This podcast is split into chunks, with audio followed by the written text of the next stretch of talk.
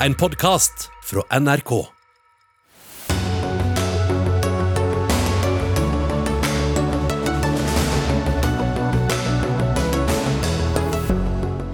Sverige viser hvor galt det kan gå hvis vi ikke har kontroll på innvandringen, mener en samfunnsdebattant. Opptøyene i Sverige har ingenting med innvandring å gjøre, svarer tidligere nestleder ved Antirasistisk Senter. Biden og Zelenskyj er samstemte. Putin har begått folkemord i Ukraina. Stemmer det, eller er det også en del av propagandakrigen? Venstre fremmer abortforslag i Stortinget som er akkurat det samme som Arbeiderpartiet har kjempet for, men Arbeiderpartiet stemmer imot. Og Spellemann-nominerte venter spent på den høytidelige seremonien på fredag, men mange av dem fikk vite at de ikke vant via radioen mandag ettermiddag. Vel møtt til Dagsnytt 18 på NRK1 og NRK P2. I studio denne tirsdagen, Sigrid Solund. Og vi begynner sendinga med opptøyene i Sverige i helgen, der 26 personer er blitt arrestert. Alle er mistenkt for å ha deltatt i gateslag med politiet i flere svenske byer. De gikk til angrep etter at den omstridte danske politikeren og høyreekstremisten Rasmus Paludan planla og til dels gjennomførte en rekke koranbrenninger. Med oss fra Stockholm har vi deg, Adam Scheiman. Du er politisk redaktør i Göteborgsposten, en svensk uavhengig liberal dagsavis. Og du sier at du er svært bekymret for hva som skjer i hjemlandet ditt. Hva er det som først og fremst bekymrer deg? Det er jo det at det finnes ett så himla stort eh, kapital av våld kan man kalla det, i utanförskapsområden.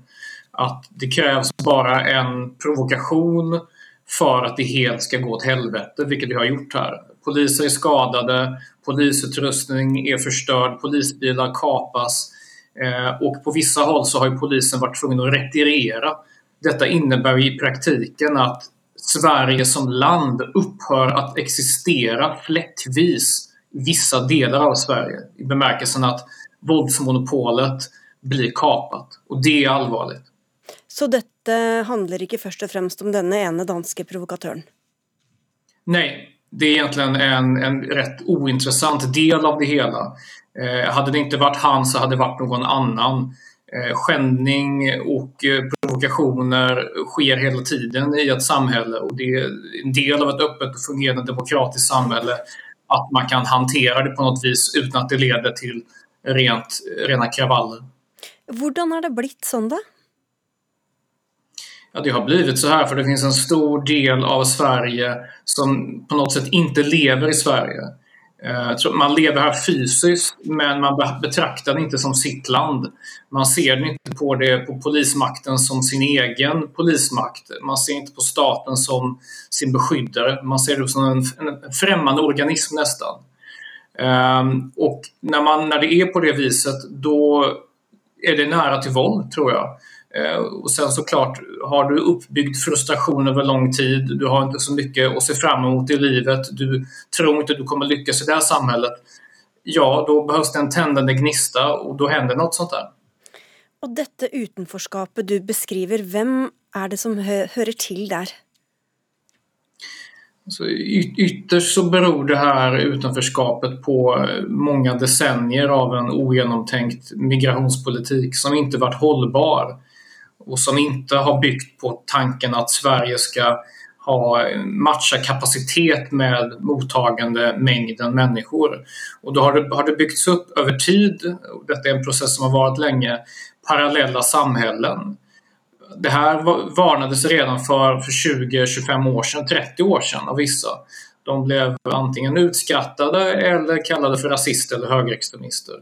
Så att det här har byggts upp under väldigt, väldigt lång tid. Jag skulle säga att det främst beror på oaktsamhet. Man, man trodde det här kunde gå, det skulle vara politiska åtgärder skulle få in människor i samhället. Men det är mer komplicerat än så. Och nu har vi en stor grupp människor som nog inte betraktar sig själva som hörande till det här samhället. Och dessutom har nära till hat mot det här samhället. Og hvordan har eh, storsamfunnet, det svenske storsamfunnet sviktet, da? Alltså sveket handlar inte om att man har svikit utanförskapsområden i bemärkelsen att man har lämnat dem. Det läggs oerhörda mängder eh, pengar på skolor, på social verksamhet, på olika typer av åtgärder och insatser.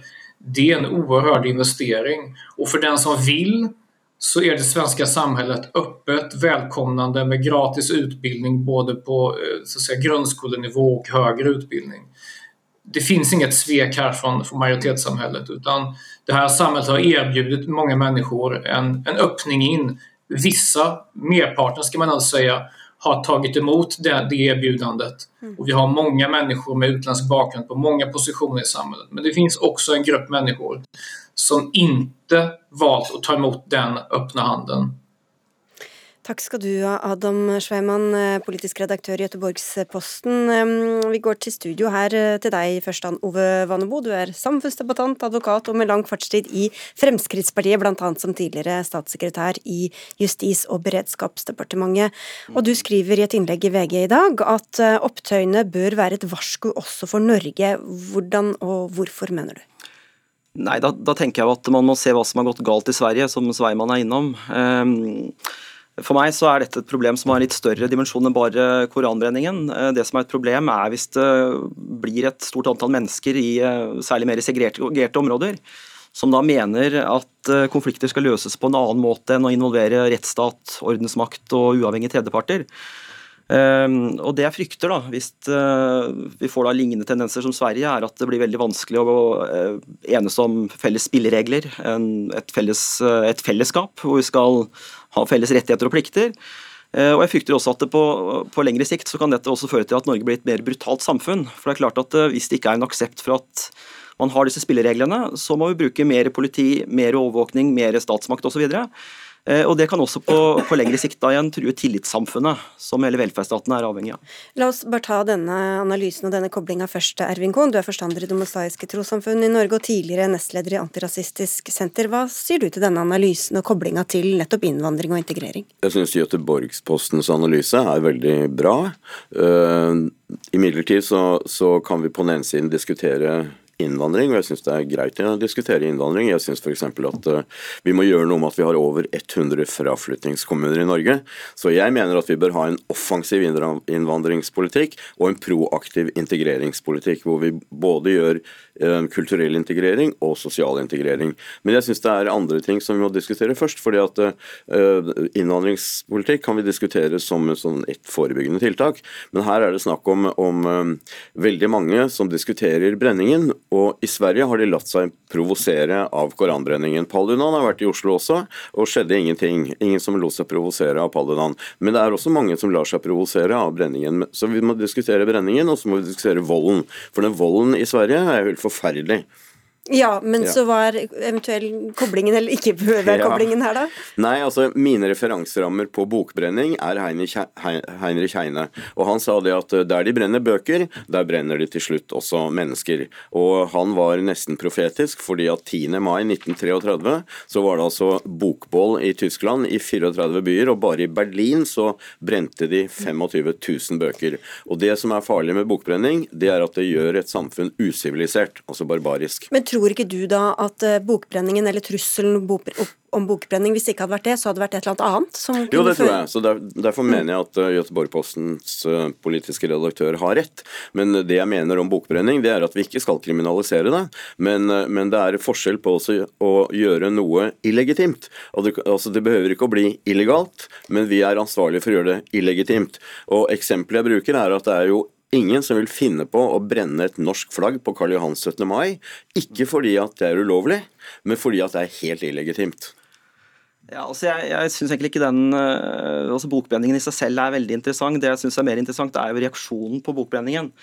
Eh, og det man skal huske her er jo at Det er jo mange steder her hvor man ikke brant Koranen, men hvor det likevel ble opptøyer, og hvor folk gikk til angrep på skoler, busser, politi osv. Men, men det var varslet at det kom til å bli koranbrenning. så ja. det var jo, ja. Eh, og så er det jo et videre aspekt her, det er at det er jo ikke bare angrep mot Paludan, og så her angriper man også samfunnsinstitusjonene. og Det er jo nettopp det jeg er bekymra for, at det ikke blir et, en respekt for at det er visse fellesskapsinstitusjoner og, og, spilleregler. Og så tenker jeg også at uh, Man kan gjerne snakke om at vi får et uh, usivilisert samfunn, at noen brenner bøker. Um, Og Det er, en, det er for en interessant debatt, men vi skal også huske på hvordan dette har blitt møtt tidligere i Norge. Altså, Otto Jespersen brant, brant, Bibelen i 2006. Det var ikke sånn at folk styrta mot han og, og kastet steiner på politi eller lagde opptøyer. Eh, på Kvartfestivalen var det en, et band som, som brant en bibel fra scenen. Det var ikke sånn at publikum storma på scenen og lagde bråk. Så mitt poeng er at dette er noe helt nytt og, og veldig krevende, og noe som vi ikke helt vet hvordan vi skal forholde oss til ennå. Eh, men noe som vi da må være varsom for å unngå at det oppstår lignende situasjoner også i Norge. Ja, fordi Hvor, eh, hvor mange likhetstrekk er det egentlig mellom utviklinga i Norge og Sverige? for deg først? Det er en interessant debatt, altså sammenligning mellom Norge og Sverige. Og, og I Norge for eksempel, så har vi en helt annen boligpolitikk. og Det tror jeg er en, en barriere mot én barriere av flere mot at vi får de samme tilstandene som de har i Sverige. Så det at i Norge så er det en så stor andel som eier sin egen bolig, gjør noe med uh, samfunnsstrukturen. Og bare med tanke på hvor mange flyktninger Norge og Sverige har tatt imot, så er jo det helt enormt store forskjeller ja. også, på, Så hvor, hvor mange likhetstegn er det egentlig? Jeg er helt enig i at uh, foreløpig så er vi langt unna Sverige. Det skal vi være veldig glad for. Men det vi skal huske er at det er jo også en ganske vedvarende høy innvandring til Norge. Uh, det er også sånn at uh, det er jo ikke bare den innvandringen som kommer fremover som er interessant, men også at det er større segregering i en del boligområder. Og Det er jo også bare å se på situasjonen i Norge. Når, når Sian har demonstrert og, og, brent Koranen, så har det vært opptøyer og eh, kaste stein på Eller i hvert fall at man eh, angriper politikjøretøy og lager veldig mye problemer, som krever da veldig mye ordensmakt for å holde orden. Så jeg er ikke bekymra nå, men det er de mer langsiktige tendensene som jeg tror blir krevende å håndtere. Og så er det jo sikkert noen som tenker at handler dette om, om religion, om, eh, måte, eh, å være mindretall, eller handler det vel så mye om klasse, økonomi osv.? Og, og, og hva kommer først, og hva kommer etter? Jeg tror det handler veldig lite om religion, for jeg er enig i analysen. Hadde det ikke vært dette, så hadde det vært noe annet som hadde vært triggeren. Mm. Uh, dette var bare en trigger. Eh, helt uh, tåpelig trigger i og for seg, fordi at Paludan er en tåpelig fyr. Men, men uh, ja, det er andre årsaker. Og uh, at Sverige har mislykkes med sin integreringspolitikk, tror jeg er en del av det. At de har andre, andre måter å ordne samfunnet, er en annen grunn til det. At de har sentralisering. ikke sant? Vi har f.eks. en helt annen distriktspolitikk i Norge enn de har i Sverige. Der har de urbanisert i alle år. og, og Derfor mener jeg at vi må løse et av våre problemer, nemlig, nemlig eh, fraflyttingen fra så mange kommuner som i Norge. Men, men, hvor mange andre religioner er det vi har sett? Altså, du, du nevnte jo bibelbrenning, Vanebo, men en, en innen visse grupper av islam som vi har sett sånne type opptøyer eller sånne reaksjoner? Da?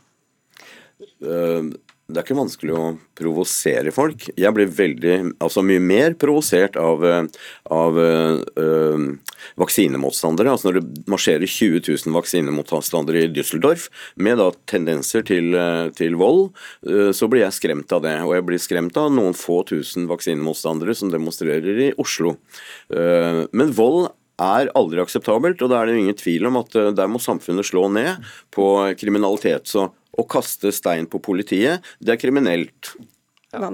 Ja, nei, altså jeg, jeg synes vel ikke altså Selv om jeg også er skeptisk til vaksineskeptikere og, og hva man gjør der, så, så, har jeg ikke sett de samme tilløpene der.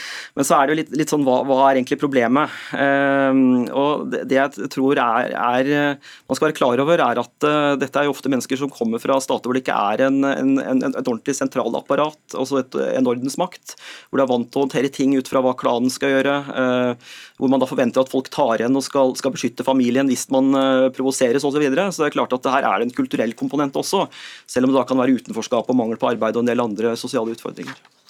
Vi eh, avslutter der, og så sier vi takk til dere for at dere var med. Adam Scheimann fra Göteborgsposten, til deg Ove Vanebo, tidligere Frp-politiker, nå samfunnsdebattant og advokat, og til deg Ervin Kohn, altså forstander i Det mosaiske trossamfunnet i Norge.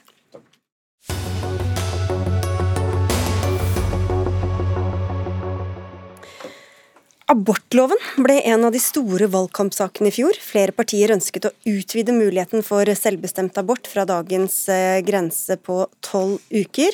Arbeiderpartiet var et av dem. Men i regjering med Senterpartiet så gikk partiet heller inn for å sette ned et utvalg som skal se på ulike sider av abortloven. Nå blir de og flere med dem utfordret av Venstre. De har nemlig fremmet et forslag i Stortinget om at kvinner verken må innom noen abortnemnd for å ta abort før uke 18, eller for å fjerne et av flere fostre i magen. I dag går fristen ut for å søke om å delta på den muntlige høringen om saken i Stortinget. Ingvild Wetterhus Thorsvik, du sitter på Stortinget for Venstre. Skal vi kalle det et slags kupp, det dere gjør her, eller? Nei, altså Det overordnede poenget her er jo at kvinnen skal kunne ta dette valget sjøl. Dette er et valg som handler om hennes kropp, hennes helse, hennes framtid. Og da kan vi ikke leve i en formynderstat hvor eh, for noen som mange er i en sårbar situasjon, og så skal det offentlige ta et valg som skal påvirke kvinnen i, i mange år. Men, hvorfor gjør dere dette nå, når det er en sånn stor utredning på trappene? Nå er vi jo i en situasjon hvor vi har eh, såpass mange partier som har programfesta at de ønsker å utvide til minimum uke 18, sånn at det ser jo ut som at det kan være mulighet for et flertall på Stortinget. Og da håper jeg jo at eh, Arbeiderpartiet ikke lar denne sjansen gå ifra seg, og, og vil være med på å utvide kvinners rettigheter. Bare for å ta det forslaget først, Cecilie Myrseth, du er stortingsrepresentant for Arbeiderpartiet. Er det noe i forslaget fra Venstre som dere egentlig er imot? Nei, men det forslaget til Venstre det, det endrer jo veldig lite. Det Venstre egentlig ber om, er jo at man skal ha med noen, eh, noen viktige tillegg da, inn i den utredninga som regjeringa allerede er i gang med. Og helseministeren har jo sagt at det kommer, det kommer, til, eh, kommer offentlig i løpet av, av våren. Så jeg tenker, de vil vel endre loven før den utredningen eventuelt er er i havn? Nei, de har bedt om, bedt om, det som kalles anmodningsforslag til, til, Stortinget, hvor man ber om at disse viktige tingene, som f.eks. Eh, det å fjerne nemndsystemet fram til uke 18, skal fjernes og skal ta med, ta med i, i, den utredninga som er. og Det er jo Arbeiderpartiet helt enig, enig i. Eh, så jeg tenker at eh, for Arbeiderpartiet så er det aller viktigste nå det er at vi sikrer at vi får gjort viktige endringer i abortloven. Og det er jeg sikker på vi skal få til når den store helhetlige saken kommer. Altså Det vi ber om utredning på, er jo mellom uke 18 og 22. Og faktum er jo at Statistisk sett så vet vi at eh, disse nemndene, altså de som behandler sakene fram til uke 18, så er det sånn at 499 av 500 saker som gikk til abortnemnd i fjor, ble innvilga. Eh, det det viser, er jo at eh, dette er jo ikke et, lenger et reelt organ, men et organ som, som, henger igjen fra tidligere tider. Men hvis dere vil utrede det, hvorfor ikke utrede hele, da? Nei, altså Det vi vil si vi vil utrede, er det som går fra uke 18 til 22. Ja. For det er jo en medisin medisinsk vurdering, altså hvorvidt fosteret er levedyktig eller ikke. Der ser vi også at vi ønsker å gå bort ifra nemndene. det er ingen fostre som er levedyktige i uke 18? Det vil jo teknologi og altså, utvikling kunne endre på etter hvert og underveis òg, men sånn som det er i dag, så må du jo innom en nemnd for å kunne, altså mellom uke 18 og 22 for å kunne vurdere levedyktigheten, og det mener vi også bør kunne gjøres på en annen måte. Men vi vil altså fjerne nemndene fram til uke 18. Og det vil jo egentlig dere også, Yes, det vil vi, og det er vårt mål også. Men jeg vil bare si eh, det Arbeiderpartiet og Senterpartiet-regjeringa gjorde når man forhandla, eh, det ligger også i vår regjeringsplattform, det er at man skal nå sette ned et utvalg som skal se på hele abortloven. Det er utrolig viktig. Det det kommer til å gjøre at vi får en helhetlig, en ordentlig, åpen, ærlig eh, debatt om hele abortloven, hvor Arbeiderpartiet står fritt til å fremme våre forslag i Stortinget, både når det kommer til, eh, til å fjerne nemndsystemet, det handler om å endre de, eh, de innskrenkningene som Venstre har vært med og gjort de siste åtte årene. Så det er jo veldig bra at Venstre nå kommer, kommer etter, men det som jo er realiteten, er at man har hatt åtte ganske mørke år når det kommer til eh, kvinners selvbestemmelse, kvinners kropp, som har vært et forhandlingskort i den forrige regjeringa, som Venstre har akseptert. Så jeg er veldig glad at jeg nå havner på riktig side. Men jeg tror også at eh, okay. Venstre burde være enig med oss at det viktigste nå er å få flertall for det som eh, vi felles ønsker å gjøre. Og det sikrer vi aller best med å gå gjennom den helhetlige utredninga som kommer i løpet av våren. Men du, Da skal vi bare ta med deg også, Olaug Bollestad. Du er leder i Kristelig Folkeparti og satt også da i eh, regjering, eh, og dere påvirket jo også politikken på dette området. Hva syns du om at Venstre kom med dette nå? Ja, Nå er det jo Venstre sitt privilegium å uh, komme med et forslag. Uh, men jeg tenker at for det første så har en plattformer fra Hurdalsplattformen som Arbeiderpartiet og Senterpartiet står inne for. Det andre er at jeg opplever at Venstre nå er opptatt av kvinnens rett, men hvor en i tillegg da bare lar det rettsvernet som har ligget i dagens abortlov uh, for barnet, det blir redusert eller fjernet fram til uke 18. Da er det kun mors rettigheter som blir vurdert. I dagens abortlov fra uke 12 så er det et sterkere og sterkere rettsvern jo lenger ut i svangerskapet en kommer. Fordi barnet vet vi kan leve eh, Iallfall i uke 2-23 er det klart uh, i flere sykehus i utlandet.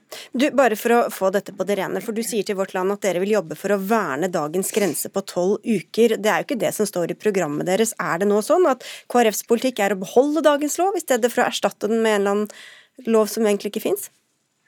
Ja, Det som er KrF sitt utgangspunkt, det er den politiske realiteten. Og Den politiske realiteten er at det nå står eh, abortdiskusjonen eh, om uke 18 eller uke 22. KrF vil gjøre det vi kan for å bevare dagens abortlov på uke 12. Den ivaretar mors rett, men også eh, barnets rettsvern. Altså Realiteten med den ordningen som vi har i dag, er jo som jeg sa i stad, at eh, de aller aller fleste som går til nemnd, får innvilga det å kunne ta abort. Altså 99 av 500, 499 av 500 i fjor. Så det å skulle beholde denne nemnda, som gjør at en kvinne, som mange er i sårbare situasjoner og vanskelige situasjoner, skal først måtte vente på en time hos en nemnd, så måtte gå og brette ut om livet sitt i en nemnd, istedenfor å fokusere på rådgivning, hvor ikke man er bundet av en avgjørelse som skal tas av den nemnda i etterkant. Og Det er jo det vi ønsker å fokusere på. Men det bare det prinsipielle som vi så vidt var innom i stad. fordi det er jo mange som kanskje får vite på ultralyd i uke 18 eller 19 at her er det noe alvorlig galt med fosteret. Hvorfor skal de innom en nemnd? Hvorfor må det utredes? Altså Det vi ber om en utredning på, er jo hvilke løsninger vi skal finne på dette. For som jeg sa i stad, så er jo dette et medisinsk spørsmål. Om det er sånn at eh, man i samtale med en lege, andre helsepersonell, kan ta den eh, avgjørelsen. Det er det vi på en måte ber om en utredning på, fordi at det er et spørsmål som på en måte må foretas av medisinsk personell. Og der er vi også eh, ikke positive til at det er en nemnd som skal kunne ta det, ta det mm, avgjørelsen. Bollestad, du snakket om barnets eh, rettsvern. Tror du ikke at eh, moren og og også faren for den saks skyld, er den beste eh, til å ivareta det rettsvernet? Jo, jeg tror at mor og far eh, både har en, et sterkt rettsvern for barnet sitt, og at de er opptatt av barnet sitt. Men det er sånn at i alle andre vanskelige eh, helsespørsmål eh, Så har jeg jo jobba i helsevesenet mer enn jeg har vært politiker. Så er det i vanskelige saker så er det alltid noen på utsida som er med både å gi råd, men òg å ta beslutning om hvilken behandling er best. Eh, men mor eller far eller den pasienten er med. Og Derfor så syns jeg det er veldig spesielt å la mor i en så vanskelig etisk debatt for dette å abortere et barn i uke 18 eller 19 er en stor påkjenning for mors kropp. Og Det å få andre til å være med i de vurderingene, og òg ta en beslutning, tror jeg ja, det er jo ta en beslutning, Det er vel ta en beslutning som er det sentrale her, eh, Myrseth? Jeg syns det er ganske provoserende å høre Bollestad sin holdning til eh, kvinners, eh, kvinners evne til å ta selvstendige og gode valg.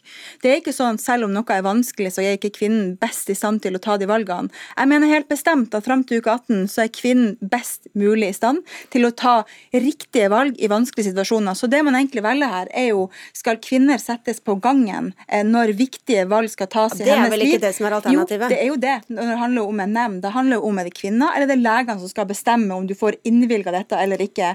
Og her mener vi at det er kvinner som åpenbart er best i stand til det. Og så handler det om at man må også sørge for at man får god nok medisinsk oppfølging om du ønsker og har behov for det. For det er ikke sånn at for alle er ikke dette et vanskelig valg, men for en del er det det. Så vi må ikke ta, skjære alle over en kam. Men når dette er så viktig sak for dere, og dere ikke var interessert i noen utredning i forkant av valget, hvorfor ikke heller da stemme ja til de forslagene fra Venstre nå? Altså det viktigste, det, altså det Forslaget til Venstre vil uansett ikke få forslag, nei, flertall i Stortinget, uavhengig av hva Arbeiderpartiet gjør. Høyre har sagt veldig tydelig Hvis det var det, da? Det er ikke mange representantene det står om her. Men, men, det som også er med abortloven, det er at det, grunnen til at den har stått seg så bra, helt fram til den forrige regjeringa med Venstre og KrF begynte liksom å tukle med den, det var jo at det har vært en bred politisk enighet om det. Så det vi nå legger opp til, helt åpent og ærlig, det er at vi får en ordentlig gjennomgang av en, en abortlov som trenger modernisering.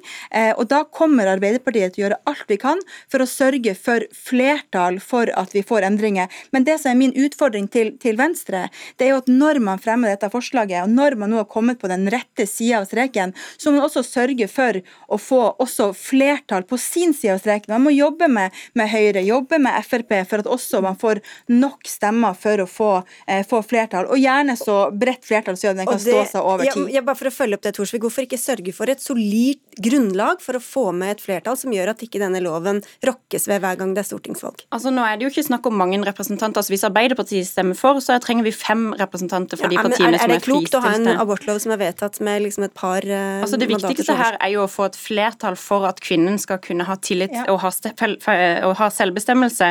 Og for, altså, Vi har aldri stått på feil side i denne saken. altså Vi hadde programfesta dette før. Arbeiderpartiet hadde altså med 18 uker. Og på lik linje som Arbeiderpartiet nå har latt uh, abortspørsmålet forhandles bort i den nye plattformen, hvor man gjort. har gått for en utredning. Det står, helt, det står helt tydelig i plattformen at Arbeiderpartiet og Senterpartiet kan, stå, kan stå, stå, stå, fritt til å fremme våre syn for saken. Det er noe helt annet enn hva Venstre gjorde, som gjorde historiske innskrenkinger på abortloven, hvor 25 000 over hele landet okay. gikk i tog i 2019. Men, men dere, dere, vi skal få med Bollestad på tampen her, for det er jo som vi hører her, mange som mener at dette ikke ville skjedd hvis ikke dere hadde rokket ved denne loven i utgangspunktet. Hvor klokt var det nå i etterkant?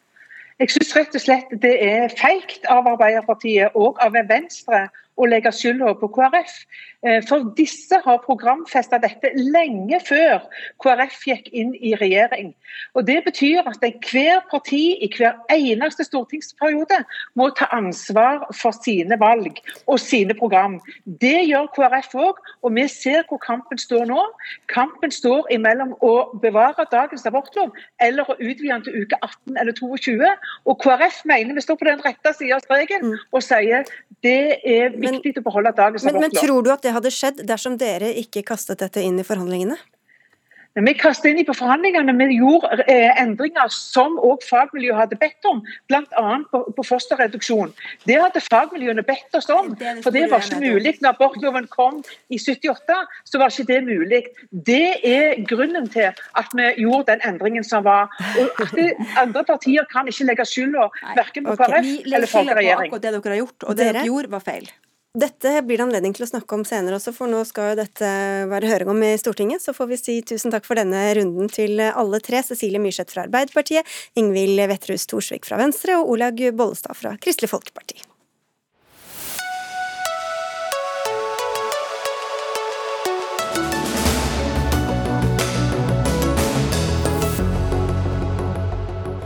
Skal vi til noe som skjedde for bare noen veldig få minutter siden. Da kom Storbritannias statsminister Boris Johnson med en beklagelse til Underhuset etter brudd på koronareglene tidligere i eh, pandemien, eller tidlig i pandemien, den såkalte Partygates. Philip Lote, utenriksjournalist i NRK, hva var det Boris Johnson sa? Han kom bustete på håret inn i parlamentet, og det første han sa, at han kom rett fra et eh, møte med Joe Biden og Olaf Schultz og andre vestlige ledere for å snakke om Ukraina-krigen. Eh, og Så gikk han videre og sa at han gjentar nå eh, at han ber om unnskyldning eh, til det britiske folk for at han brøt koronareglene som hans egen regjering og han selv innførte under pandemien, og at det britiske folk kunne forvente bedre av han. På forhånd var det forventet at han skulle da var en av hans egne konservative parlamentsmedlemmer som sa at Boris nå i dag må komme med alle unnskyldningers mor sa han. Så, eh, men det tror jeg ikke alle følte at de fikk. Nei, Hva sa han i etterkant, da? Eller hvis han rukket å si noen verdens ting? Eh, opposisjon, altså den Han sitter vel og hoier og roper sammen med de andre i parlamentet nå. og Spørsmålet er jo hvem er det som støtter Labour her. Eh, Labour-leder sir Keir Starmer, opposisjonslederen, sa at han begynte rett og slett med å si 'for en vits', det var det han kalte hele unnskyldningen. Og gikk så langt som å si at uh, Boris Johnson er uærlig. At han tar med seg kompetente, dyktige ministre, bl.a.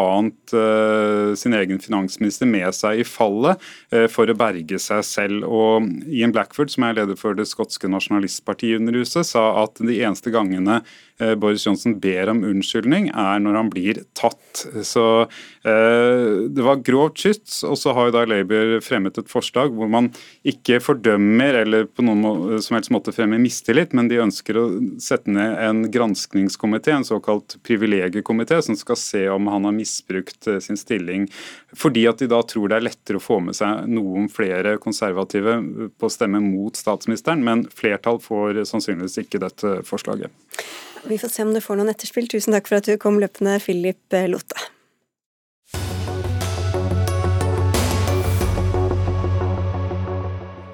Sjefen for FN, Antonio Guterres, fordømmer Russlands angrep i Ukraina og krever en fire dager lang våpenhvile. Kravet kommer etter at russiske styrker i går startet slaget i Donbas-regionen øst i Ukraina. Flere har tidligere spådd at dette kan komme til å avgjøre krigen i Ukraina. Og Palle Ytstebø, du er seksjonssjef for landmakt i ved Krigsskolen. Russernes president Vladimir Putin varslet selv en intensivering mot Øst-Ukraina for flere uker siden. Hvordan har ukrainerne forberedt seg imens? Ja, De har jo forberedt seg på dette her i snart åtte år. I, fra Syttagårdskrigen starta i kjølvannet av, av Minsk-forhandlingene i vinteren 2015. Uh, eh, og det har vært kamper her, større eller mindre grad av og på. Uh, og det var jo kamper her fra denne fasen her av selve krigen starta i, i, februar. Det de i tillegg har gjort, har de overført styrker som er frigjort etter at russerne trakk ut i nord. Eh, delvis rekonstruert, rekonstruert, rekonstituert, altså forsterka, bygd de opp igjen, erstatta mannskap og materiell og sånne ting. Og flytta de østover for å ha en mobil reserve til å, å kontre eventuelle russiske angrep. Ja, og Noen av disse kommer fra det mislykkede russiske forsøket på å ta Kiev. Hva kan det ha gjort med motivasjonen, kampviljen til disse russiske soldatene? Ja, den, Det er et tema som diskuteres uh, blant fagfolk i ulike fora. og En så jo allerede før selve invasjonen startet at på en del av de styrkene som var i, i Hviterussland, at stemningen ikke var helt god. Og når jeg da ble klar over at de skulle i krig og ikke på øvelse, så, så droppa det enda mer. Og, eh, og det, har, eh, det, har, vært en generell antakelse at motivasjonen til russiske soldater, både de som står i det, og de som blir forsøkt rekruttert, ikke, ikke er den helt store, og at det er vanskelig å rekruttere soldater. Men hva gjør det med krigføringen hvis soldatene ikke er godt motivert? Det er jo at det blir vanskelig å få dem til å gir, følge ordre og, og, gå i angrep. Uh, og Det er òg derfor at russerne nå satser så mye på artilleri og, og forbekjempning med tunge våpen på de ukrainske stillingene, for å svekke dem så mye de klarer, før de da må ta sine mobile styrker i, fram for å prøve å ta disse områdene. Ukraina har jo bedt og ber stadig om flere våpen. Ifølge The Sun vil Storbritannia sende 13 tonn tunge rakettkastere til Ukraina. Hva kan det få å si for krigen? Ja, dette her eh, er eh, med luftvernsystemer. Og Det betyr at ukrainerne kan operere eh, luftvern tett på sine mekaniserte styrker, og på den måten gi dem bedre beslut beskyttelse mot, eh, mot, russiske flyangrep. Så det vil få en taktisk gevinst på den striden som kommer til å foregå uh, på bakken i, i østre Ukraina, men ikke, ikke, for det store utløpet i første omgang. Mm. Og dette slaget om Donbass, hva tror du, kan det bli avgjort raskt, eller dra ut lenge tid? Jeg tror det vil dra ut i veldig lang tid. Uh, delvis fordi at ukrainerne er for godt forberedt på det. De har starta motangrep for ganske lenge siden og prøver å, å svekke russiske kommunikasjonslinjer og forsyningslinjer spesielt. Eh, og de har tilstrekkelige styrker til å kunne møte eventuelle russiske gjennombrudd og, og offensiver. Takk skal du ha, Palle Ystebø, for at du kom til Dagsnytt 18. Vi har hørt om ukrainske kvinner som voldtas som et ledd i krigen, sivile som blir massakrert. Både den ukrainske presidenten Volodymyr Zelenskyj og USAs president Joe Biden mener at Russlands krig i Ukraina er et folkemord. Putin sier at det er russere i Ukraina som er utsatt for folkemord. Og hva er sant, og hva er propaganda? Sofie Høgestøl, du er førsteamanuensis i rettsvitenskap ved Universitetet i Oslo. Så pleier vi å si at du også er folkevalgt i Venstre, uten at det har noe med saken saken å gjøre. Hva er det som taler for at det som skjer i Ukraina kan betegnes som et folkemord? Vel, nå er det fortsatt mye vi ikke vet, men det viktige her er å se på den juridiske definisjonen av folkemord. For jeg tror ganske mange tenker på folkemord som et grufullt massedrap. Men det, kan, det er mulig at ting er massedrap uten at det juridisk sett er folkemord. For det som avgjør om det er folkemord eller ikke, det er om de gjerningspersonene som begår handlingene, har det vi kaller for folkemordsintensjon, eller hensikt. At de har som hensikt bak de drapene eller de voldtektene um, å helt eller delvis ødelegge en beskyttet gruppe. Og En beskyttet gruppe kan være en etnisk minoritetsgruppe, en religiøs minoritetsgruppe, men det kan også være på bakgrunn av nasjonalitet. Hvorfor, hvorfor henger voldtekt sammen med, med, dette? Det er et godt spørsmål. Dette hadde man masse saker på, dessverre, i folkemordet i Ravanda. Eh, der eh, FN-domstolen der konkluderte at man også folkemord, også, eh, folkemord kan også begås via systematiske voldtekter. For det handler egentlig om at man prøver å ødelegge den etniske eller nasjonale gruppen via å, via å få kvinnene deres til å bære, bære, barn for andre grupper, rett og slett. Satt på spissen. Og det er jo en av de Nå er det jo sant, en mye vi ikke vet, men det har vært noen enkeltvise nyhetsartikler hvor man har intervjuet kvinner som har blitt voldtatt i Ukraina, hvor de bl.a. har vitnet om at uh, russiske offiserer skal ha uttalt mens de har begått disse voldtektene, um, at de ønsker å forhindre at disse kvinnene får flere ukrainske barn. Og det er jo den type bevis for den type intensjon som vi snakker om, som eh, etterforskerne ved Den internasjonale straffedomstolen eksempelvis vil se etter nå. For tidlig å si, Cecilie Helstveit, eh, jurist og samfunnsviter ved Folkerettsinstituttet, men hva taler mot at dette kan betegnes som folkemord? Ja, for Det Sofie snakker om nå, det er den strafferettslige definisjonen, som er spørsmålet kan noen personer holdes ansvarlige Eh, for folkemord i Ukraina. Du har også folkerettskonvensjonen, altså folkemordskonvensjonen, og den binder Russland som stat og Ukraina som stat. og Begge de landene er parter i folkemordkonvensjonen. Og Da er det statene som har ansvar for å hindre at det skjer folkemord. Og dersom det skjer folkemord andre steder, så har staten også for så vidt en sånn slags plikt til å være med på å hindre at det skjer. Og Det som, det som skjer nå rundt denne retorikken som både Ukraina og USA har på folkemord handler egentlig om hva slags eh, etisk eller moralsk, politisk eller rettslig plikt har vi til å forhindre det som foregår. Altså de massive, brutale overgrepene som vi er vitne til i Ukraina. Så Det handler på en måte på dette tidspunktet mer om en slags eh, hvordan endrer man krigens gang, mens seinere så blir det snakk om å holde individer eh, strafferettslig ansvarlige, eventuelt. Ja, for Det handler også om sannheten bak det som skjer. ikke sant? Man har konkurrerende narrativ eller fortellinger om hva som egentlig skjer på bakken her. Og Derfor er det jo så viktig at man nå får en uavhengig etterforsker som evner å klassifisere handlingene. For det er jo gjerne slik i en internasjonal straffedomstolsak at man har for eksempel, da, forskjell, forskjellige typer drap. Og så er spørsmålet er det en krigsforbrytelse, er det en forbrytelse mot menneskeheten, eller er det folkemord. Og Den type klassifisering er det jo best egnet å gjøre gjennom en type etterforskning hvor man kommer til bunns i det bevismessige her. Vi har jo allerede hatt den første undersøkelseskommisjonen som eh, har vært inne og sett på dette, som er OSSE sin. og kom, De kom med en rapport i forrige uke. og De ser da på krigsforbrytelser og på forbrytelser mot menneskeheten. Altså systematiske menneskerettighetsbrudd som er begått av i områder hvor russiske styrker har kontroll, da overfor den ukrainske befolkningen. Eh, og Det er de internasjonale forbrytelsene som foreløpig synes å være veldig utbredt i denne krigen. Altså krigsforbrytelser som begås av russiske styrker, eh, både mot ukrainere de har i sin fangenskap, men også i kamphandlingene. Og så er det noen overgrep også på motsatt side. Og Dette er en type konflikt, en type krig, som har veldig destruktiv kraft. altså det er veldig veldig brutale kriger, fordi du har to statsapparater som på en måte går sammen for å ødelegge for den andre, og så har du territoriell kontroll og, og, og gjenerobring. og Da blir det fryktelig mye ødeleggelse. Og, og, det er klart, det som Sofie sier, folkemord er ikke eh, mord på mange folk, det er en helt spesifikk type forbrytelse som, eh, som er veldig ofte snakk om overgrep som begås mot minoritetsgrupper i et men, land. Men må den intensjonen ha vært der fra begynnelsen, da, eller? Nei, det trenger den for så vidt ikke å være. De fleste folkemord de siste hundre år har jo funnet sted i kriger, og gjerne et stykke ut i krigen. Og Det er ikke nødvendigvis slik at det var en plan fra begynnelsen av, men særlig kriger som blir stående i stampe. Der har man eh, en, en, tendens til å se denne type mer desperate politiske eh, operasjoner etter hvert.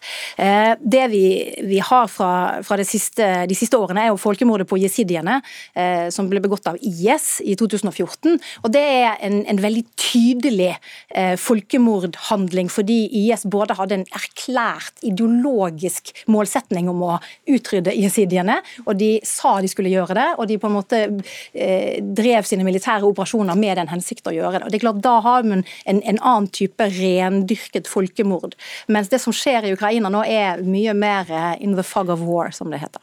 Og Sofie Høgestøl, som du sa, det handler jo også om fortellingen. Eh, og Putin sier jo at ukrainere og russerne er jo ett folk. Så kan man da fortsatt snakke om folkemord? Det er et interessant spørsmål. Altså, min praktiske erfaring med å jobbe med folkemordsaker er at jeg jobbet en kort periode ved FNs Røde Kamer-tribunal i Kambodsja. Og Det var jo et av de spørsmålene for domstolen at er det et folkemord når man utsletter sin egen befolkning? Uh, og De kom jo frem til konklusjonen at det som var folkemord i Kambodsja strengt talt, det var disse drapene på etniske, altså utryddelse av etniske minoritetsgrupper. Uh, så i utgangspunktet så er nok det ikke typisk, men igjen, vi må liksom, Her er vi jo tilbake til for, for historiefortellingen nå, og, og, hva som blir den langsiktige historiefortellingen. Og da er det så viktig å komme til bunns i hva som er fakta i saken. Og derfor er en av de viktigste tingene som skjer nå, det er alle disse internasjonale forsøkene på å innhente bevis um, og, og, etterretning for å komme til bunns i hva som egentlig har skjedd her, og hva som fortsetter å skje. For denne konflikten er jo pågående. Dette er ikke noe man etterforsker etter det er hendt, eller etter konflikten er ferdig. Og Ukraina har brakt denne saken inn for den internasjonale domstolen i Haag, altså statsdomstolen, med anklager om at eh, Russlands påstander om folkemord i Ukraina er falske. Og Det kommer antageligvis domstolen til å konkludere med om et par år. Spørsmålet er selvfølgelig hva gjør det for Ukraina i dag? Eh, og Litt av hensikten med den saken til Ukraina er å ødelegge for det argumentet som Russland har brukt som skal vi si, unnskyldning for denne, denne fasen i krigen, altså denne invasjonen, eh, og for å styrke argumentet om at dette er aggresjon under FN-pakten. Så Dette er også en sånn del av et, et skal vi si, folkerettslig spill som handler om å lande hvordan man skal karakterisere det russerne holder på med i Ukraina. Vi er nødt til å sette strek der. Takk skal dere ha, alle tre. Cecilie Hellestveit, Sofie Høgestøl og Pall Ystebø. Takk.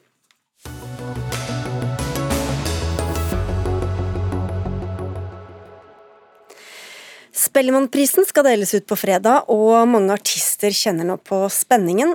Eller kanskje ikke fullt så mange likevel, for det er ikke alle prisene som skal deles ut på den store, høytidelige seremonien førstkommende fredag. En av prisene ble f.eks. delt ut mandag ettermiddag klokka 16 via radioen.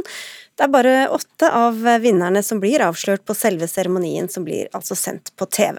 Artisten Marte Walle har rettet skarp kritikk mot Spellemann for måten dette ble gjennomført på. Hun er ikke med oss her i Dagsnytt 18, men det er du, Frank Tønnesen. Du er kjent under artistnavnet Tøne, så du vant jo prisen i den samme kategorien, så gratulerer med det. Men hva tenkte du da du leste kritikken fra Marte Valle? Eh, ja, takk for det. Eh, nei, jeg tenkte at det var at jeg var enig i mye av det hun skrev. Og jeg tenkte faktisk på det når jeg kjørte hjem ifra, den, ifra Stavanger og hadde fått prisen, at det var veldig må være veldig merkelig for, for de andre nominerte, som egentlig òg er vinnere. Og sånn som den ble delt ut, så, så var jo ikke de vinnere og fikk ikke noe sånn, sånn veldig spenning på dette her. Så ja, det var litt det var litt merkelig, egentlig. Hvordan skjedde den prisutdelingen? Den skjedde eh, i studio til NRK eh, Rogaland i Stavanger. Eh, I Trafikk og musikk. Jeg fikk beskjed om at jeg skulle være med på et sånn intervju eller sånn en presentasjon av de nominerte til, til, til den prisen. Og da tenkte jeg at kanskje de andre òg var på link eller et eller annet sånt, men jeg skjønte jo at det var de jo ikke. Så jeg ble jo glad. Jo, de lurte meg jo. Så for min del så var det jo uh, Ja, jeg ble litt uh, rørt og sånn, men det var jo en voldsom kontrast i forhold til å være i en sal og sitte og, uh, de, i lag med de andre nominerte og føle litt på spenningen og sånn. Mm. Stian Malme, prosjektleder for Spellemann i NRK. Hvorfor ikke gjøre det litt mer spennende og høytidelig for alle de nominerte? Ja, altså det, er, det, er, klart at uh, Jeg skjønner at de mister noe av den spenningen når de ikke fikk sitte i den salen og, og, og, vente på hvem som skal vinne prisen, men vi har valgt å utvide Spellemann til en hel uke. Vi kaller det for Spellemann-uka, og i den uka så deles det ut noen priser underveis. Nå er det ikke sånn at alle de uh, prisene skal deles ut den uken, det er også en god del priser som vi først avduker på fredag. Eh, men vi gjør det rett og slett for å få et bredere nedslagsfelt. Vi gjorde noen erfaringer i fjor. Det er tredje året vi deler ut eh, disse prisene eh, på dette viset. Litt pga. korona, selvfølgelig, men vi ser at vi treffer flere. Og vi får liksom mer rom rundt hver enkelt pris ved å spre det utover. Så Derfor så har vi liksom tromma i gang en Spellemann-uke, da. Men til dem som var nominert, som ingen egentlig hørte om at var nominert engang, hvordan tror du det var for dem? Det, alle de nominerte, alle de nominerte 28 kategorier eh, er belyst på NRK radio på én flate hos oss. Alle har fått sine 15 minutes of fame der. Så vi har gjort det vi kan for å løfte de. Eh, vi spiller også bare norsk musikk i P1 fra og med i dag, helt ut fredag. Og P3, nei, P3 spiller også bare norsk musikk, så vi prøver jo virkelig å ha fokus på Spellemann. Så det det går glipp av, er akkurat det spenningsøyeblikket eh, rett før man skal eh, lese opp hvem som vinner. Men alle er invitert til fest. Vi har leid hele sentralen i Oslo, alle får komme, og det blir en gedigen bransjefest på fredag. Eh, hvordan, eh, Frank Tønnesen, hvordan tror du det var å være nominert da, eller blir å være nominert da? Eh, på fredag? ja, eller for dem som kanskje får en trøstepremie for å komme på fest på fredag, som vi vet allerede at de ikke har vunnet. Nei. Ja, nei, det er veldig rart. Jeg eh, når jeg fikk mail om at opplegget var sånn, så trodde jeg først det var en sånn aprilspøk, for den mailen kom på 1. april. Så jeg eh, Men jeg, jeg bestemte meg med en gang for å ikke reise, for det er jo faktisk, selv om eh, Ja, det er faktisk en del av hele greia at du reiser inn og ikke vet og treffer de andre, at det er sånn spenning. Så at det, det argumentet med at du liksom skal treffe at nedslagsfeltet er større med å gjøre det på denne måten, er sikkert sant, men, men artistene sjøl vil nok føle det som et uh, svik, egentlig, uh, i forhold til å uh, få være med og treffe bransjen igjen og treffe de andre artistene og ikke vite noen ting. Det er, det er ingen som reiser på en fotballkamp hvis de vet hva resultatet blir. Et svik, Simen Eidsvåg. Du er pressekontakt i selve Spellemann. Hvor stas tror du det er å bli nominert i en kategori som bare annonseres på radio? Den blir jo ikke bare annonsert på radio, den vises jo i ikke sin helhet. Ikke at det er noe galt med radio, bare for å si det. ja. og, og, jeg bare også si gratulerer med Spellemannpris, eh, Tønnes. Um, og det er Jeg hørte på utdelingen, og det, får jo da, det var en presentasjon av alle nominerte og et fint intervju med Tønes og da en utdeling. Så man får jo en god dekning på uh, viser og visepop, som denne kategorien var. En bred dekning. I tillegg vil det bli vist på NRK1 i sin helhet med introduksjon av de nominerte og kategorien og utdeling og takketale. Så at man, man på den måten så løfter vi jo fram mye av den gode norske musikken i alle 28 kategorier. Vi gjør dette da med alle 28 kategoriene, eller altså totalt at de blir vist på denne måten. Men selvfølgelig så er det veldig uh, kjedelig å høre at Tønes opplever det som et svik. Um, så det er jo noe vi må ta med oss videre, men vi ser at det selve den dekningen av norsk musikk denne uken og de forskjellige kategoriene er større enn vi ville fått enn å ha det tradisjonelt. Men Anne, hvordan velger dere ut hvem som blir annonsert på, radioen, på radioen gjennom uka, og hvem som blir annonsert og utpekt som vinnere på fredag kveld? Eh, de aller fleste blir eh, ut, utpekt på fredag kveld. Vi har to forskjellige programmer. Ett er live, og ett er i opptak. Det er fem priser som deles ut denne uken, fem eller syv, eh, i forskjellige radioprogrammer der det passer, der vi syns at det er eh, spennende, og der hvor lytterne er spesielt opptatt av den type musikk. Eh, så de, du kan si de, de, får utdelt sine priser foran sine egne.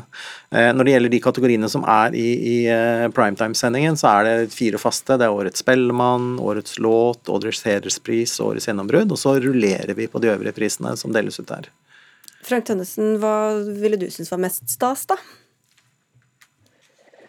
Eh, jeg, jeg er jo vært så heldig at jeg har fått lov å oppleve å være litt sånn underdog og komme på Spellemannsprisen og plutselig vinne. Så jeg vil jo liksom unne alle de som, som blir nominerte, få, få lov til det. Å komme inn og, og kanskje kjenne på følelsen at de kanskje kan vinne likevel, selv om antageligvis ikke, ikke gjør det, da. Så jeg ville Jeg vet ikke. Ja, jeg ville tatt vare på den spenningen, mm. tror jeg. Og det, ja. Dere har ikke sagt det, men jeg kan jo tenke meg at noe av grunnen er at det tar veldig lang tid å ha 28 kategorier på en TV-kveld, eh, Simen Eidsvåg. Men hvorfor skal det være så mange kategorier, da? Det er en stor bredde i norsk musikkbransje, og Spellemann prøver og favner om hele eh, bredden. Så da er det 28 kategorier. Det er jo 26 forskjellige kategorier, og så er det hederspris Årets Spellemann. Uh, og det vil Spellemann ha for å vise frem denne bredden, og da er det på en måte Utfordringen da er å få dekningen til alle på, på samme måte. Men har, du, har, du, har, sikkert lest hva Marte Walle skriver på Facebook, og all ja. støtten hun har fått. Hva, hva, slags inntrykk gjør det på deg, da? Jeg forstår henne, og jeg forstår Tønes også, fordi at vi gjør det nå på en annen måte enn man er vant til. Når man ser på awardshow rundt i hele verden, så er det utfordringer med engasjementet rundt det, og det må vi prøve å, å justere. Og da er det selvfølgelig reaksjoner på det, og jeg syns dette engasjementet er godt, og, og, og syns at det kommer gode innspill, og som vi tar veldig på alvor når vi skal jobbe videre med hvordan vi gjør Spellemann fremover. Du sa Malm, at eh, man eh, velger eh, programmer som Eller velger priser ut fra hvilke programmer. Jeg vet ikke hva trafikk og musikk hva det er, liksom, folk er spesielt interessert i der. Men er det aktuelt at det rullerer litt, da? At liksom noen priser ett år så er de på TV og fredag kveld, og andre år så Absolutt. Nå skal vi jo selvfølgelig nå skal vi gjennomføre året, så vi, vi, tror at vi har vanvittig bra innhold, at dette blir en veldig fin kveld for hele bransjen og hele bredden i norsk musikkliv. Og så skal vi evaluere hvordan det gikk etterpå, og om vi fikk til det vi ønsket å få til. Eh, og så får vi se hvordan Spellemann ser ut neste år. Eh, men jeg, jeg, vil påstå at vi har prøvd å gjøre Spellemann større uh, istedenfor mindre. Uh, en Grammy-sending har jo en, en, nettsending på dagen hvor de gjør unna en god del priser. Vi har heller valgt å, å utvide tiden vi deler ut priser på. Uh, og sette ekstra fokus på den uken, og da ikke minst på fredag, hvor det blir en gedigen bransjefest i Oslo. Ok, vi får høre med deg. Kommer du på, til Oslo på fredag, Tønnes? Nei. Jeg kommer ikke. på grunn av dette? Nei, jeg, jeg, jeg, hadde bestemt meg før, før jeg visste hvor, hvor utfallet ble. For jeg, ja, nei, det er ikke noen mening for meg å reise til Oslo på fredag. Nei, du har jo fått prisen allerede. Jeg får, jeg får ikke sitte i den salen de skal dele ut de prisene i heller. Det er jo et poeng. Det, det, ville du gjort om du kom, eh, Tønnes. ja, ja, det sto i mailen at jeg ikke fikk lov. ok. Da fikk du et lite frieri fra Simen Eidsvåg, pressekontakt i Spellemann. Takk skal du ha for at du var med. Takk til deg, Stian Malm, prosjektleder for Spellemann i NRK, og Frank Tønnesen, kjent som Tønnes.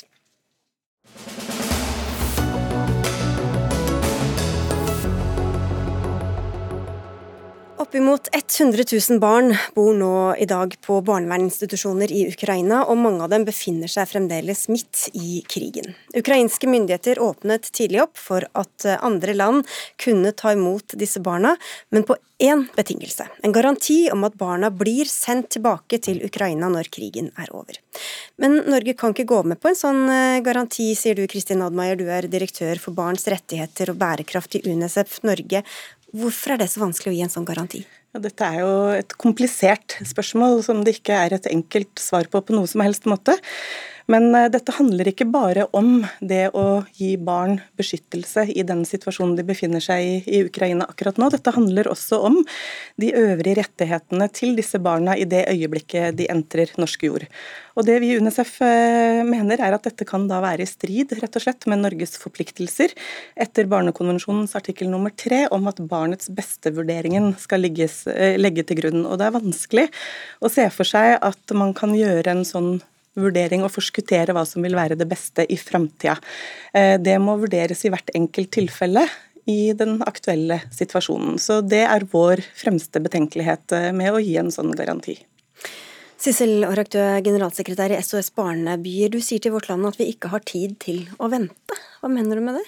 Jeg mener jo at eh, heller enn å diskutere hva som er barnets beste to, tre, fire år frem i tid, så må vi diskutere hva som er best, barnas beste her og nå. Og akkurat her og nå så er det krig i Ukraina. Akkurat nå så er det mange barn på institusjon, og de må evakueres. Det har også ukrainske myndigheter anmodet av ganske mange land i Europa om hjelp til å evakuere. For barnas rettigheter her og nå handler jo om deres rett til liv og helse, og ikke minst for disse barna som er overlatt på institusjon, så handler det også om god omsorg.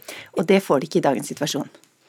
Ja, og til det så har jeg lyst til å si at uh, at det er ikke mulig å utsette vurderingen av hva som er barnets beste på sikt. Norske myndigheter er etter Barnekonvensjonen forpliktet til å vurdere både på kort og lang sikt samtidig. Og Det kompliserer jo dette bildet. Det er jo sånn at Barns rettigheter er ikke et problem vi skal løse og ta hensyn til i framtida. Barns rettigheter er her og nå, og det er det vi må planlegge for i øyeblikket. Men, ja, og, ja. og, det tenker jo jeg, Vi er ikke uenig i at dette er også en, en diskusjon vi må ha i fremtiden. og Derfor er vi jo nå veldig glad for at det ligger et lovforslag nå på høring, som nettopp ivaretar det hensynet, og sier, går ganske langt i å si at dette allerede er regulert i Haag-konvensjonen, som sier at eh, det vil være en midlertidig en midlertidighet som vil gå over tid, som gjør at barna beslutninger rundt disse barna vil kunne ivaretas av ukrainske myndigheter i samråd med norske myndigheter. Så her har norske myndigheter da kommet ukrainske myndigheter i møte på sin garanti. da. Ok, Så man bør gå med på å sende dem tilbake mer eller mindre, selv om man om fire år f.eks. vurderer at her er det egentlig best for barn å bli? Nei, Det er jo en vurdering som må gjøres på daværende tidspunkt. Og det vil gjelde alle land i, i, Europa. Nå tenker jeg også at det er veldig viktig at vi har stor forståelse for ukrainske myndigheters perspektiv i denne saken. For det er både UNICEF og SS Barneby satt jo rundt eh, bordet i Ukraina hvor denne ukrainske loven ble da eh, forfattet. Og det er helt åpenbart at det ukrainske myndigheter da var utsatt for, var jo en bekymring for at barna skulle adopteres uten ukrainske myndigheters eh, viten og vilje. Og det er jo et problem fordi veldig mange av disse barna har foreldre. Og derfor Eh, og det perspektivet det må vi også ta inn over oss. At ukrainske myndigheter de er på et annet sted enn norske myndigheter. Men bare til det grunnleggende, Oddmar. Du sier at man må tenke på kort og lang sikt på en gang. Men når det haster, når, når de er midt i en krig, hvorfor skal ikke det veie tyngre enn hva som kanskje kan skje om noen år? Altså, Vi kan ikke gjøre det ene uten å vurdere det andre. Eh, samtidig, sånn er det bare. Selvfølgelig må vi gjøre alt vi kan nå, og det gjøres også allerede i Ukraina. Bl.a. Eh, et samarbeid mellom SOS Barnebyer og UNICEF og ukrainske myndigheter, hvor man har satt inn betydelige ressurser for å beskytte barn, evakuere barn internt i Ukraina, eh, og sørge for en oversikt over situasjonen i den grad det lar seg gjøre. Men samtidig så må vi også jobbe fram de løsningene som vil sikre disse barnas rettigheter på sikt. og det vi risikerer hvis norske myndigheter helt uforbeholdent gir en sånn type garanti. Eh, og vi vet ikke hvor lenge denne krigen vil vare. Plutselig går det flere år, og så skal norske myndigheter da eh, sette hva som er barnets beste og barnets rettigheter opp mot en lovnad til ukrainske myndigheter. Og så kan det kanskje vise seg i mange tilfeller fordi tiden har gått, at det slettes ikke vil være til barns beste å bli tilbakeført eh, til Ukraina. Og På den måten så har man da planlagt for eh, tiltak som rett og slett svekker barns rettigheter på sikt, og det mener vi at vi ikke kan gjøre. Med viten og vilje nå, Orak? Med denne løsningen krever jo noe altså vi, vi kan ikke sette ultimatum her og nå. Nå må vi jo, eh, Det vi har bedt om, er at norske myndigheter er på at de tar kontakt med ukrainske myndigheter. Og nå har de jo nettopp lagt et forslag her på høring som er godt, og som ivaretar de hensynene som vi kjenner at ukrainske myndigheter er bekymret for. Så her ligger mye nå til rette. Og så har vi i tillegg EU, som nå går ut og sier, ber alle sine eh, medlemsland om å være aktive og I tillegg så vet vi at ukrainske myndigheter de sier vi kan ikke ivareta disse barna eh, i Ukraina slik situasjonen er nå. Bare nevner at uh, verken statsråd eller statssekretær i Justisdepartementet hadde mulighet til å, å, være med hos oss, men hva sier du til dette lovforslaget, Oddmader? Nei, Vi er også positive til dette lovforslaget, men det som også kommer frem av lovforslaget er at norske myndigheter likevel må gjøre noen selvstendige vurderinger, og det vil kunne komme da til en vanskelig situasjon eh, hvor man må kanskje ofre det som er barnas beste. Eh, foran den forpliktelsen man har inngått eh, overfor ukrainske myndigheter, og det mener vi at man må unngå. Men vi mener allikevel at lovforslaget er godt, og det er en styrking. Og det er viktig også å ta hensyn til den situasjonen ukrainske myndigheter opplever å være i. Og vi har jo også tro på, som SOS Barnebyer, at det er viktig med dialog, og har også oppfordra norske myndigheter til dette. Og vi sitter også rundt bordet med ukrainske myndigheter på daglig basis og diskuterer hvordan man kan gripe dette an, og hvordan man også kan prøve å å mildne den eh, uforbeholdne garantien som de krever. Ja, Men bare det å gi dem en medbestemmelse, det kan jo bli ganske problematiske eh, dilemmaer eh, om noen år, da? Ja, det ligger mange problematiske dilemmaer i denne situasjonen. Og det er jeg helt sikker på at ukrainske myndigheter også ser, dersom ikke de opererer ut fra at denne krigen forhåpentligvis skulle vare veldig kort. Så Det er jo det perspektivet de har, det er det mediebildet de møter, det er den mobiliseringen de har. Det merker vi også hos, våre hos vår søsterorganisasjon. Sånn at det må vi også ta inn over oss. Vi får se hvordan lovforslaget ender. Takk skal dere ha begge to. Sissel Lårak, generalsekretær i SOS Barnebyer, og Kristin Oddmeier, direktør for barns rettigheter og bærekraft i Unicef Norge. Dagsnytt 18 er ved veis ende. Det var Gro Arneberg som hadde ansvaret for innholdet. Lisbeth Sellereit hadde det tekniske ansvaret. Mitt navn er Sigrid Solund. I morgen er Espen Aas tilbake.